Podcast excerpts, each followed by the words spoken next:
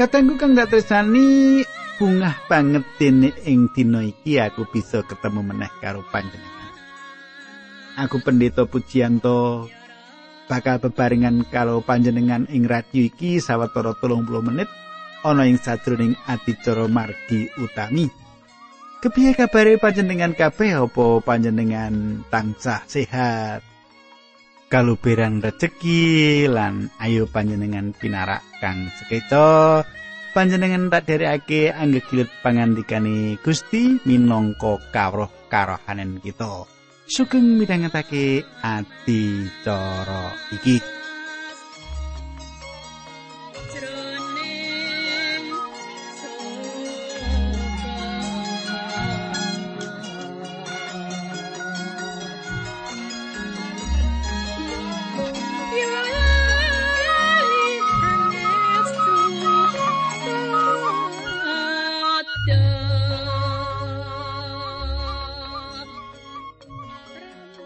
Katangku kang dak tresnani kepiye apa panjenengan isih kelingan apa sing dak aturake panjenengan kepungkur? Ing kepungkur kita wis nyemak lelakone kelairane Yohanes Pembaptis malah nganti pameco bab apa sing kudu ditindakake kagem Allah. Banjur kepriye bacute peladosane Yohanes kang dadi cucuk lakone Sang Kristus? Nanging sadurunge tak teruske perlu kita nyuwun tuntunane Gusti. Nah, tumrap katangku sing saiki nuju loro nuju wis pirang-pirang. Wektu ora bisa menyang ndi Ayo saiki tak dongake bebarengan. Tulung di demek ngendi perangan awake sing loro. Duh Kanjeng Rama ing swarga kawula ngaturaken gunging panuwun menawi wekdal menika kawula saged tetunggilan saged sesarengan kalian sederek-sederek kawula lan saperlu badhe midhangetaken sabda pangandikan patuko minangka tambahing kawruh karohanen. Kawula ndongaaken sederek kawula ingkang sakit Gusti Yesus kados ingkang sampun dipun tepengi menika. Kawula nyuwun supados Gusti nyarasaken. Gusti ngaliraken panguwas paduka ing astanipun sederek kawula menika wasana saged pulih kados wingi saged saras. Berkahi adicara menika linambaran asmanipun Gusti Yesus Kristus kawula tunggu haleluya. Amin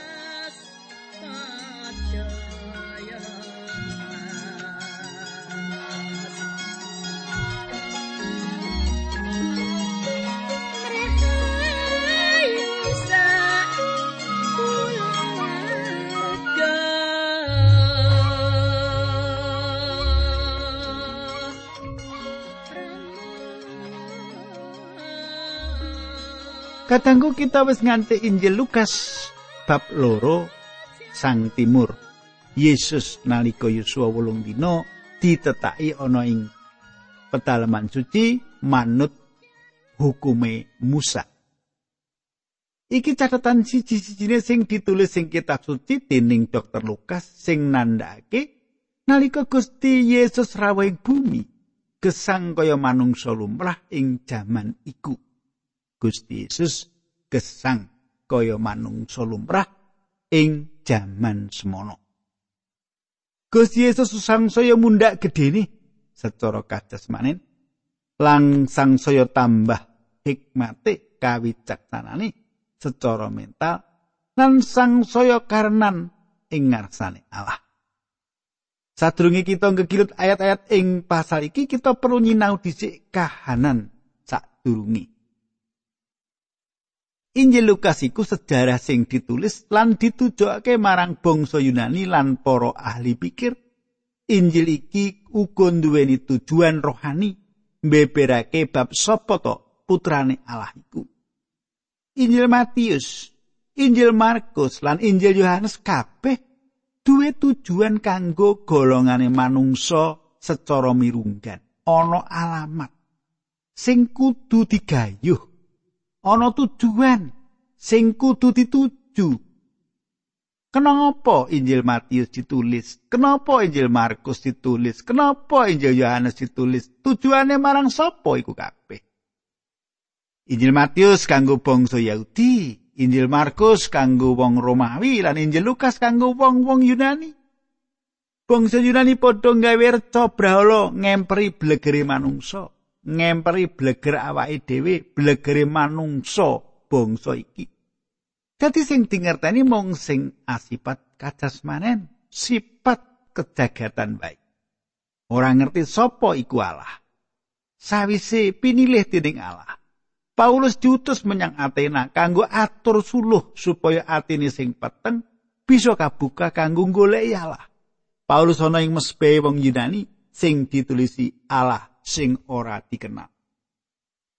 Apa sing ditindakake Paulus iki sawijining misi, sawijining tujuan kanggo nyiapake rawe Yesus Kristus durwilujeng ing jagat iki. Kanthi misine Paulus iku, banjur para wong pinter Yunani padha ngakoni yen kanggo gayuh kasampurnane manungsa ora bisa ditindakake dening manungsa dhewe. Mula banjur ana sawijining gerakan batin ing antarané bangsa Yunani ngenteni kanthi adreng besok kapan bisa ninggayuh kasampurnaning urip. Katanggu, basa Yunani dadi saranane nyebarake Injil ing salumahing jagat. Kanthi basa Yunani, Allah ngagem Iskandar Agung kanggo tujuan iku. Coba kita semak Lukas loro ayat siji dan loro ing basa pedinan. Nalika semono Kaisar Agustus paring dawuh supaya para kawulaning kerajaan Rom kabeh padha nyatetake jenenge lan diitung cacahe. Cacah jiwa sing kapisan kuwi ditindakake nalika Kirinius dadi gubernur ing tanah Syria. Katengku tembung donya, bumi ing basa Yunani tegese ngebroki. tegese nglungguhi menduduki bumi sing tegese uga wis nguasani donya sing maju jagat sing beradab kadangku ing jaman iku Kaisar Agustus duwe kepinginan supaya saben wong didaftarake sapa ta Kaisar Agustus iku Agustus iki anak angkate Julius kaisar. Saiki tembung Agustus ora mung sawijining jeneng nanging julukan utawa sebutan. Kali nyebut Agustus iki wis bisa dingerteni yen wong mau uripe saleh ing babagan agama. Nanging imane mung kanggo ngunggulake pribadine dhewe. Ing Injil Lukas iki nyebut jenenge Kaisar Agustus. Kaisar sing ngesahake undang-undang pajak. Malah wong sak jajahane Romawi bakal diwajibake mbayar pajak. Agustus kepengin duweni prajurit sing nyukupi kanggo bawah perintah negara lan jajahane sing ombo. Mula merlokake dhuwit sing akeh. Kejaba iku Kaisar Agustus iki tansah nindakake urip sing hura-hura, nengenake kamewahan. Ing Injil Lukas ditulis yen pendaftarane penduduk ing jajan Romawi ku nalika Kirinius dadi gubernur ing Syria. Saiki ayat telu nganti ayat pitu. Lukas pasal loro. Wong kabeh banjur padha mangkat ndaftarake jenenge ing kutha asale dewi-dewi. Yusuf ya nuli mangkat saka kutha Nazaret ing tanah Galilea menyang kutha Bethlehem ing tanah Yudea. Bethlehem kuwi kutha kelairane Sang Prabu Daud. Mongko Yusuf kuwi tedhak turune Sang Prabu Daud. Lungane Yusuf mau bebarengan karo Maryam, pacangane sing lagi ngandhek. Nalika wong loro mau tekan ing kutha Bethlehem, Maryam enggone ngandhek wis tekan wektune babaran. Maryam nuli mbabar putra kakung, putra pembarep. Putra mau nuli digedhong, banjur diselehake ana ing wadah pakan kewan. Jeleran Yusuf lan Maryam padha ora leh pangunan ana ing omah panginepan. Katangku Yusuf lan Maryam ninggalake Nazaret ing Galilea lan lunga menyang Yudea ing kutha cilik Bethlehem kutane Daud. Kenapa Maryam kudu lunga menyang Bethlehem? Jalaran Maryam keturunane Daud. Kaisar Agustus ndadekake pribadine kaya dene Allah. Dhewekne kepingin disembah. Nganakake pajak marang kabeh bangsa jajahan lanang wadon. Among tani klebu sing manggon tanah Israel. Mula Yusuf lan Maryam bali mulih menyang Bethlehem saperlu daftarake jenenge. Ing guwa garbane Maryam ngandut putrane Allah. Senadyan Agustus ngangkat pribadine dadi Allah nanging ora ana siji wong sing hormat lan bayar pajak marang dhewekne. Kadangku Agustus mung piranti wae kanggo jangkepi apa sing diweca dening Nabi Mika. Nabi Mika bab 5 ayat 1 ngendikake mengkini. Pangandikane pengiran, "He Bethlehem Efrata, Kuwi kuwi kutha cilik ing tanah Yehuda nanging saka kono aku bakal nekake ratu kanggo Israel sing sarasilai kawiwitan ing jaman kuno mula. Saiki Lukas loro ayat 8. Ing daerah kuno wengi kuwi ana pangon-pangon sing lagi padha nginep ana ing ora-ora njaga wedhusi. Katengku. Isih akeh wong sing padha takon, kapan ya Yesus Kristus iki dibabarake? kapan yo Gusti Yesus Kristus iki dilairake. Gusti Yesus mesti ora kawiyosake ing mangsa adem yen mangsa adem mesti para pangon ora bisa tugur nunggoni wedhuse ana ing ora-ora Efrata. Ora perlu kapan dibabarake nanging luwih penting panjenengane pancen wis dibabarake dening perawan Maryam. Sedane uga ora ana keterangan tanggal kaping pira nanging sing luwih wigati yaiku Gusti Yesus wis kasalib nganti sedo kanggo nebus dosa kita para manungsa. Tasuwun apa sing tak aturake iki panjenengan cetha ya? Kapan laire ora ngerti. sing penting Gusti Yesus wis rawuh ana jagat dilairake perawan Maryam. Sedane tanggal pila ora ngerti. Sing baku kasunyatane Gusti Yesus wis kasalib nganti sedo. Kanggo apa panjenengane sedo? Kanggo nebus dosa kita para manungsa. Nugroho pangeran sing kita tampa ora bisa diitung. Gede banget. Ngantek menehi wewengan kanggo kita mlebu ing swarga nek kita percaya marang panjenengane. Amin katangku nah saiki diteruske Lukas loro ayat songo nganti 11 Dumadakan ana malaikate pangeran jumeneng ana ing sacedhake lan cahya kamulyaning pangeran madangi wong-wong mau nganti padha wedi banget. Nanging malaikat mau ngendika aja wedi sebab tekaku iki nggawa kabar becik kanggo kowe lan sing bakal mbungahake wong kabeh. Ing dina iki wis miyos juru slametmu ana ing kutane Sang Prabu Daud, ya kuwi Sang Kristus kang jumeneng Gusti. Katangku kang dak tresnani.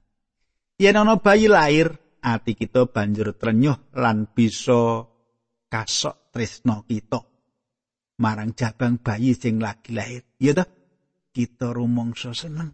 Rumangsa bunga yen ana jabang bayi lahir. Ya kaya ngono iku Allah nggone tumurun ing bumi sing sepisanan. Ketemu karo para manungsa bisa wae panjenengane tumedhak ing bumi kanthi panguwasa lan kamulyan kaya sing dingendikake mengko yen rawuh sing kapindho. Nanging rawuhe nalika semono nalika sepisanan manjalmo dadi manungsa sing paling ringkih yaiku bayi. Ya kaya ngono iku rawe sang juru wilujeng ing bumi. Panjenengane ora lair medun saka langit jelek nanging dadi manungsa dadi bayi panjenengane ora nilarake kaalahane nanging nilarake kamulyane. Diling-iling iki ya. Mesine ora mung sawetara pangon utawa sak bergodo.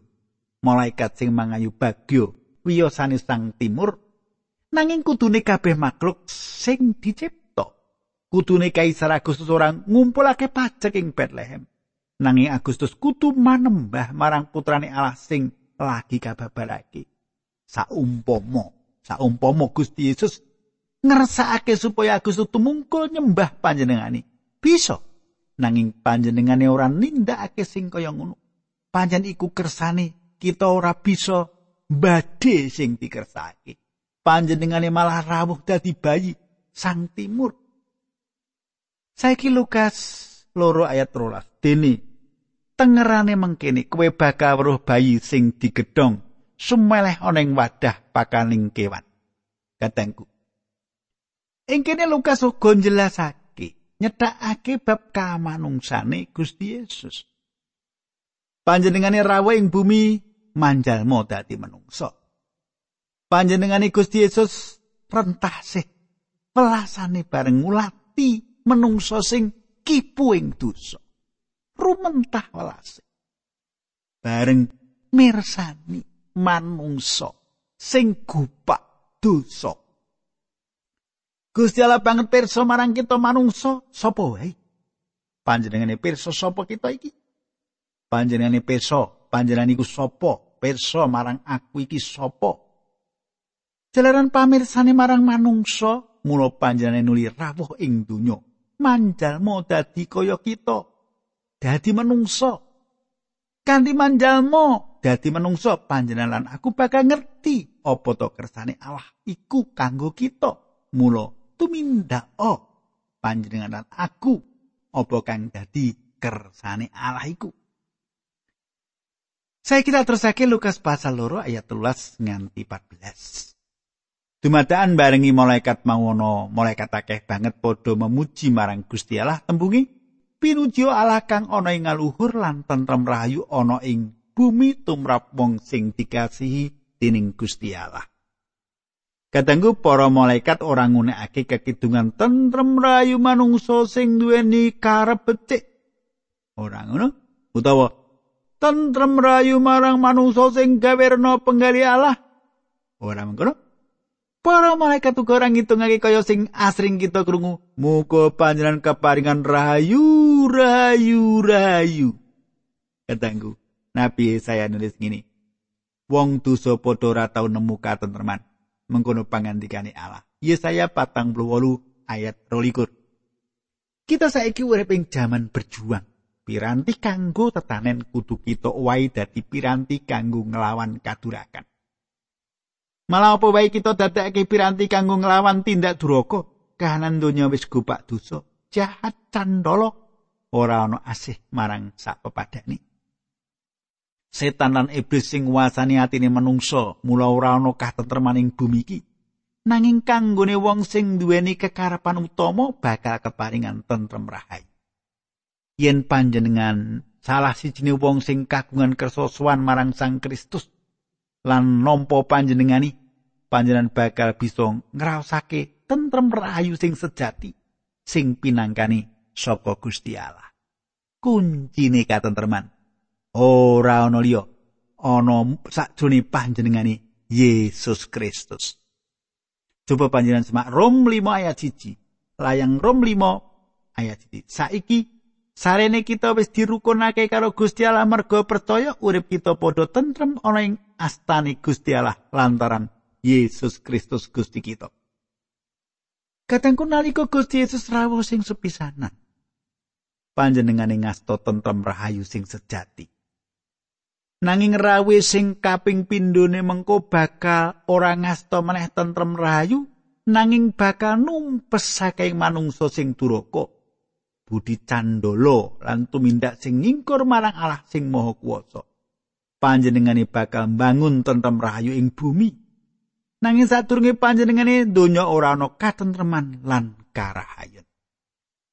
Saiki Lukas loro ayat 15 nganti 16. Sakundure para malaikat mau menyang swarga, para pangon nuli padha rasanan. Ayo padha mangkat menyang kutha Bethlehem lan deleng apa sing wis kelakon ana ing kono kaya sing dingendikake dening Gusti Allah marang kita. Para pangon mau nuli enggal-enggal padha mangkat lan ketemu Maryam lan Yusuf sarta sang bayi sing sumeleh ana ing wadah pakan kewan. Katangku para pangon giyak-giyak enggal menyang Bethlehem. Ketemu karo Maryam, Yusuf lan sang timur bayi Yesus. Sajake para pangon iki sing nyambangi sepisanan marang sang timur iki, Jalaran Injil Matius nyebutake yen tekane wong Majus ing Bethlehem sawise prastawa tekane para pangon.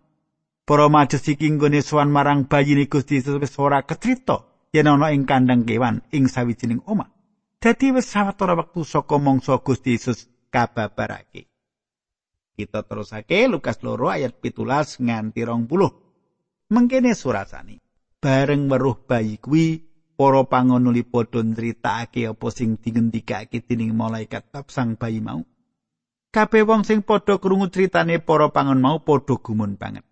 Nanging Maryam nyatet kuwi mau kabeh ana ing atine sarta dirasa-rasake apa tegese kuwi mau kabeh para pangon mau nuli padha bali sarta ngluhurake Gusti Allah puji-pujian sebab apa sing dirungu lan dideleng mau kabeh cocok banget karo sing dingendikake dening malaikat Kadangku kang dak tresnani Maryam akeh sing dicatet sajroning atine kaya kalumprahane atine para ibu Jalaran anane bebaya saka perintah Herodes, Yusuf lan Maryam nuli ngungsi menyang Mesir sawetara wektu lan banjur bali meneh menyang Nazaret.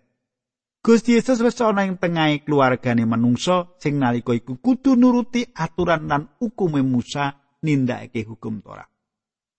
Lukas loro ayat likur nganti likur. Sawise umur wolung dina sang bayi nuli ditetaki lan ditetepake asmane Yesus ya kuwi jeneng sing dingendikake malaikat marang Maryam sadurunge ngandhek sang bayi mau. Bareng wis tekan wektune Yusuf lan Maryam nuli nindakake upacara miturut pernataning agama sing kadhawuhake dening Nabi Musa, sang bayi banjur digawa menyang Yerusalem arep disaosake marang pangeran. Kadangku. Patang puluh dino sawise wong wadon nglairake dianggep najis manut hukum Torat. Maryam sing dadi jejering wong dosa kudu nggawa korban marang Allah. Dheweke mbutuhake juru wilujeng kaya sing dikandhaki.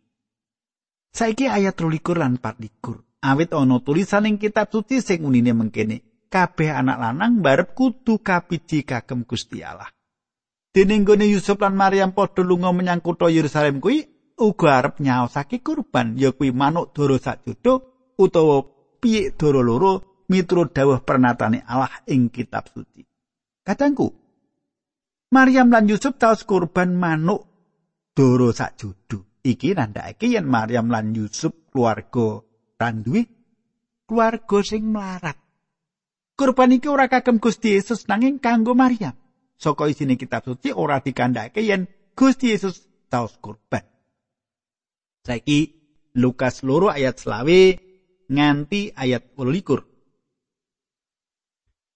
Nalika semono ing kutha Yerusalem ana wong jeneng Simeon, wong mursid sing ngabekti marang pangeran lan nganti-anti besok kapan Gusti Allah nggone paring keselamatan marang bangsa Israel. Simon kuwi wong sing kapenuhan ing Roh Suci lan keparingan wangsit dening Roh Suci yen ora bakal mati sadurunge weruh Sang Mesias. Sing dijanjake dening pangeran. Saka panuntuning Sang Roh Suci mau, Simeon mlebu ing pedalamane Allah nalika Yusuf lan Maryam nggawa sang bayi yo mlebu ing pedalamane Allah arep disaosake marang pangeran manut pernatane agama Yahudi. Simeon banjur nyandak sang bayi mau dibopong lawan memuji marang pangeran. Katangku ana priagung sepuh jenenge Simeon sing jalaran katuntun dening Roh Suci teka ing pedalaman suci nalika Gusti Yesus digawa wong tuane kanggo jangkepi hukum Torat. Simeon ngitungake pujian sing critakake yen dheweke bakal bisa ndeleng tekane kawilujengan. Apa sing dideleng dening Simeon? Bayi cilik. Sang Timur. Bayine Yesus keselamatan tekane saka sawijining pribadi. Ora jalaran apa sing kita tindake. Keselamatan iku sawijining pribadi. Pribadi mau yo Gusti Yesus Kristus. Apa panjenengan dina iki wis kagungan pribadiku ing gesang panjenengan? Pribadi sing ora liya ya Gusti Yesus Kristus juru wilujenge kita manungsa dosa? Panjenengan wis duwe? Nek durung cepet nampa Yesus ning ati panjenengan. Nah, kadangku Lukas loro ayat 29. Kita ngrungokake apa sing dadi kidungane Simeon. Tak watake yo, Lukas loro likur teko telung loro. Duh, pangeran. Samenika paduka sampun netepi janji keparenga. Samenika abdi paduka tilar donya kelawan tentrem. Awit pripat kawula sampun ningali piyambak juru wilujeng peparing paduka ingkang paduka cawisaken kangge kawilujenganipun sedaya bangsa. Kados pepadang ingkang madangi margining bangsa-bangsa sanes supados sami sowan dhateng paduka inggih punika pepadang ingkang jalari umat paduka Israel dipun hormati dening para bangsa. Katangku iki pratela sing ngidapi-dapi. Simeon sing pengalamane urip ora jembar lan adoh nanging Simeon bisa ndeleng yen keselamatan sing teko bakal dadi keselamatane jagat. Senajan ing prajanjian anyar kaya-kaya isine kitab suci ditujokake marang bangsa-bangsa mirunggan nanging tebane kanggo bumi saisine iki. Katangku tuh tekan semene adicara dina iki muga panjenengan kaberkahan dening mirai Sang Kristus. Kita tutup kanthi pandung. Kanjeng Rama ing swarga kawula ngaturaken kenging panuwun menawi wekdal menika kawula saged tetunggilan lan saged ngedum berkahipun Gusti. Kintenipun saged atas kegiatan lan panglipuran linambaran asmanipun Gusti Yesus Kristus kawula tunggu. Haleluya. Amin.